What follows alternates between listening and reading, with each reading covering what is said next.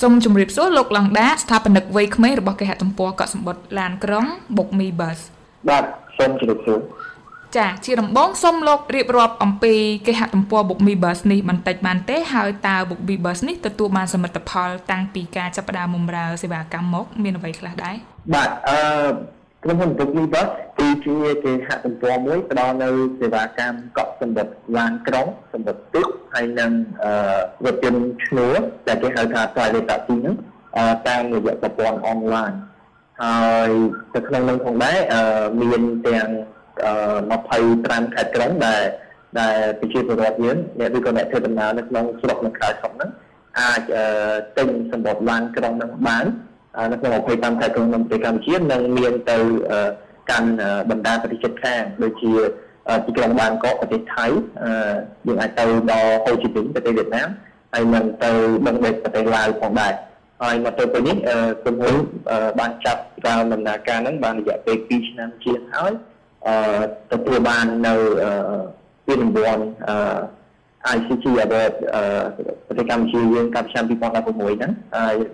លេខ1ហើយនឹងស្វ័យស្វ័យនេះ ទទួលបានពានរង្វាន់ក្នុងផ្នែក category startup ហ្នឹងជាមេដាយមាសផងដែរក្នុងតំបន់អាស៊ានចាអញ្ចឹងកាលពីថ្ងៃទី30ខែវិច្ឆិកាហ្នឹងគេហាក់ទំព័រ BookMeBus បានទទួលពានរង្វាន់ Gold Award ប្រចាំតំបន់អាស៊ាននៅ ASEAN ICT Award 2017សម្រាប់ក្រុមហ៊ុន Startup តើលោកអាចជួយរៀបរាប់ត្រួសត្រាសបានទេអំពីពានរង្វាន់នោះបាទអឺក្នុងការប្រកួតអឺពានរង្វាន់ ASEAN ICT Award ឆ្នាំ2017ហ្នឹងគឺមាន10ប្រទេសចូលរួមអឺដែលនៅក្នុងនោះមានផ្នែកអឺផ្សេងផ្សេងគ្នាអឺដូចជាខាងភារកិច្ចចាប់ផ្ដើមដំបូងហ្នឹងដូចគេហៅថា startup ហ្នឹងមួយផ្នែកហើយមានផ្នែកខាង private sector មានផ្នែកខាង CSO ខាងសង្គមហើយនឹងផ្នែកផ្សេងៗទៀតជាច្រើនបាទ ហើយគឺបើនិយាយពីដំណើរការនៃការប្រឡងនោះវិញគឺប្រទេសនីមួយៗជ្រើសរើសនៅអ្នកឈ្នះក្នុងក្នុងប្រទេសរបស់ខ្លួនហ្នឹង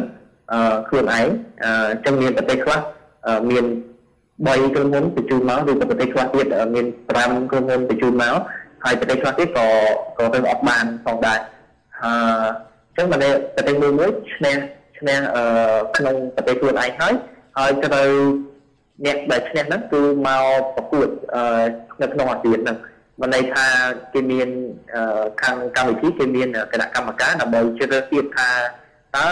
ក្រុមហ៊ុនឬក៏អ្នកជាប់នៅក្នុងប្រទេសមួយមួយហ្នឹងអ្នកណាខ្លះដែលដែលត្រូវបានជ្រើសរើសមកប្រកួតនៅក្នុងជាមួយនឹងអាស៊ានតែ10ប្រទេសនឹងផងដែរអញ្ចឹងមិនមិនមែនមានន័យថាអ្នកដែលជាប់នៅក្នុងប្រទេសខ្លួនហើយអាចឡើងមកអាស៊ានបានទេ បាទហើយនៅក្នុងនោះមានប្រទេសខ្លះក៏គាត់អត់បានជ្រើសរើសមកមកការប្រកួតអាស៊ានថ្មីថ្មីនេះផងដែរគាត់អត់មានបេក្ខភាពចូលចូលមកក្នុងអាស៊ាននេះហើយតើអញ្ចឹងមានលក្ខខណ្ឌឬដំណាក់កាលអ្វីខ្លះទើបអាចធ្វើឲ្យ Book Me Bus ទទួលបានពានរង្វាន់មួយនេះបាទដោយសារតែមានបេក្ខភាពចូលរួមច្រើនអញ្ចឹងលក្ខខណ្ឌគឺទៅតាមក្រុមនីមួយមួយអញ្ចឹងឧទាហរណ៍ដូចផ្នែក startup ដែល Book Me Bus ជាប់ហ្នឹង គឺគេមើលទៅលើប្រមាណចំណុចគឺទី1គឺមើលទៅលើពាក្យថា startup ហ្នឹងមិនន័យថាគាត់ចាប់ផ្ដើមក្រោម2ឆ្នាំហើយគាត់មាននៅ business model ដែលហៅថាគំរូអាជីវកម្មរបស់គាត់ហ្នឹងលក្ខណៈជា tech startup technology បច្ចេកបច្ចេកវិទ្យាដើម្បីដោះស្រាយនៅបញ្ហាជាក់ស្ដែងរបស់សង្គម ហើយមួយទៀតនោះឬក៏ថាការអនុវត្តយកគំរូអាជីវកម្មហ្នឹងឬក៏ដំណោះស្រាយនៃការដោះស្រាយបញ្ហាសង្គមរបស់គាត់ហ្នឹងតើអាចយកទៅប្រើប្រាស់នៅក្នុងតំបន់ផ្សេងឬក៏ប្រទេសផ្សេងបានដែរឬទេអញ្ចឹងឧទាហរណ៍នេះគឺគឺជា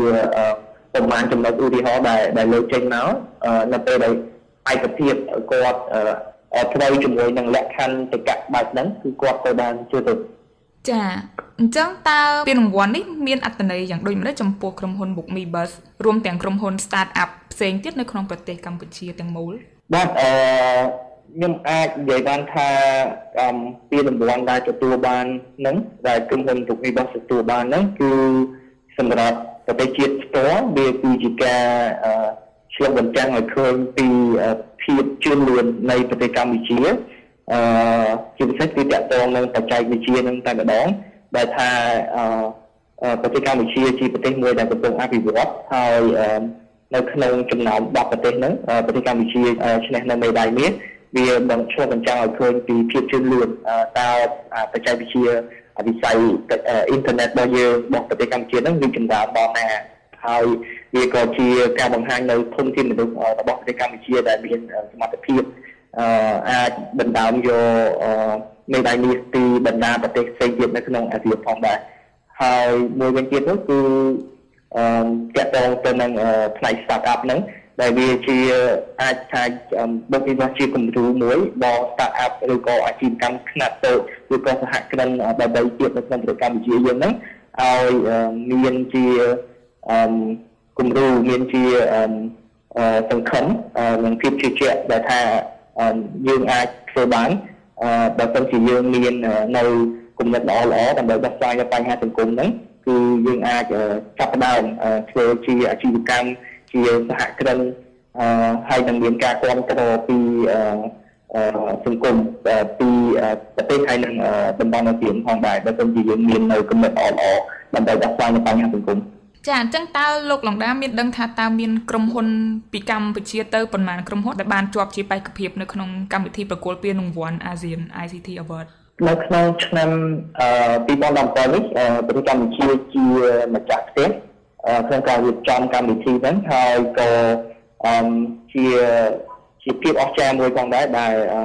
មាន3ក្រុមហ៊ុនដែលត្រូវបានជ្រើសរើសនៅក្នុងកិច្ចប្រកួតហើយដោយទាំង3ក្រុមហ៊ុនហ្នឹងផងដែរ ឈ្នះនៅមេដាយមាសដែលអឺបណ្ដាប្រទេសផ្សេងទៀតគាត់អត់មានមេដាយមាសច្រើនដោយប្រទេសកម្ពុជាយើងនេះចឹងនៅក្នុងនោះមានក្រុមហ៊ុន Bobibet មួយហើយក្រុមហ៊ុន Coding Gate ដែលគាត់យក product ទៅក្រុម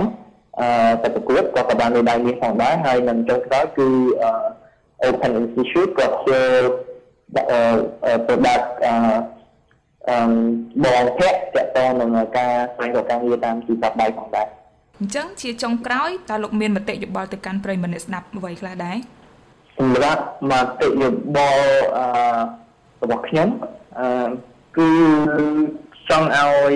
មាននៅ start up ក៏ដូចជាសហគ្រិនអឺឲ្យច្រើននៅក្នុងប្រទេសកម្ពុជាពីព្រោះការបង្កើតអាជីវកម្មមួយមួយគឺវាមានប្រយោជន៍ច្រើនដល់សង្គមក៏ដូចជាជួយដល់សេដ្ឋកិច្ចជាតិផងដែរ ដោយចាត់តាំងដោយក្រុមហ៊ុន Book Me Boss អញ្ចឹងគឺពួកយើងដោះស្រាយនៅបញ្ហាសង្គមមួយដែលថាជួយទៅដល់ទីមួយគឺជួយទៅដល់អ្នកធ្វើដំណើរហ្នឹងឲ្យមានភាពងាយស្រួលក៏អត់ចាំបាច់ចំណាយពេលច្រើនជិះទៅក្រុមហ៊ុនឬក៏ទៅបេនឡានដើម្បីទិញស្បកអឺពេលខ្លះគាត់ចំណាយពេលហើយគាត់ត្រូវត្រូវតើតើនៅតម្លៃហ្នឹងគឺវាថ្លៃជាងតម្លៃធម្មតាទៀតដោយសារតែមានអីភ្នាក់ងារផ្សេងផ្សេងទៀតអញ្ចឹងបាទហើយ ទីពីរនោះគឺជួយទៅដល់ក្រុមហ៊ុនឡានក្រុងឲ្យគាត់ទាញយកប្រយោជន៍ពីបច្ចេកវិទ្យាហ្នឹងដើម្បីឲ្យគាត់មានភ្ញៀវកាន់តែច្រើនភ្ញៀវភ្ញៀវអន្តរជាតិអាចទិញសម្បត្តិគាត់ហ្នឹងបានពីគ្រប់ទិសទីទោះបីគេនៅប្រទេសរបស់គេទាក់ទងមកដល់ខ្មែរក៏គេអាចជាងសម្បត្តិរបស់គាត់បានបានផងដែរអញ្ចឹងវាវាជួយហើយមួយវិញទៀតនោះគឺទាក់ទងនឹងសេដ្ឋកិច្ចរបស់ជាតិយើងដែលថាយើងតាក់ទាញដោយសារតែបុគ្គលិករបស់ ធ្វើចំនួននេះនៅក្នុងវិស័យទេសចរចឹងយើងឃើញថាការបើកទ្វារឲ្យឲ្យមានការធ្វើបែបនេះគឺបើកទ្វារឲ្យមានភ្ញៀវទេសចរមកលេងប្រទេសយើងហ្នឹងកាន់តែច្រើនហើយកាលណាមានភ្ញៀវមកលេងកាន់តែច្រើនយើងក៏បានបង្កើតនៅការងារជាច្រើនទៅឲ្យប្រជាជនយើងផងដែរអញ្ចឹងយើងឃើញថាខ្ញុំខ្ញុំខ្ញុំមើលឃើញថាបើមាន start up ឬក៏ សហគ្រិនកាន់តែច្រើននៅប្រទេសកម្ពុជាយើងប្រយោជន៍ក៏មានកាន់តែច្រើនដូចគ្នាផងដែរចាសូមអរគុណសូមជម្រាបលាលោកឡងដាស្ថាបនិកគេហទំព័រកក់សម្បត្តិរថយន្តក្រុងបុកមីបាសបាទសូមអរគុណសូមជម្រាបលា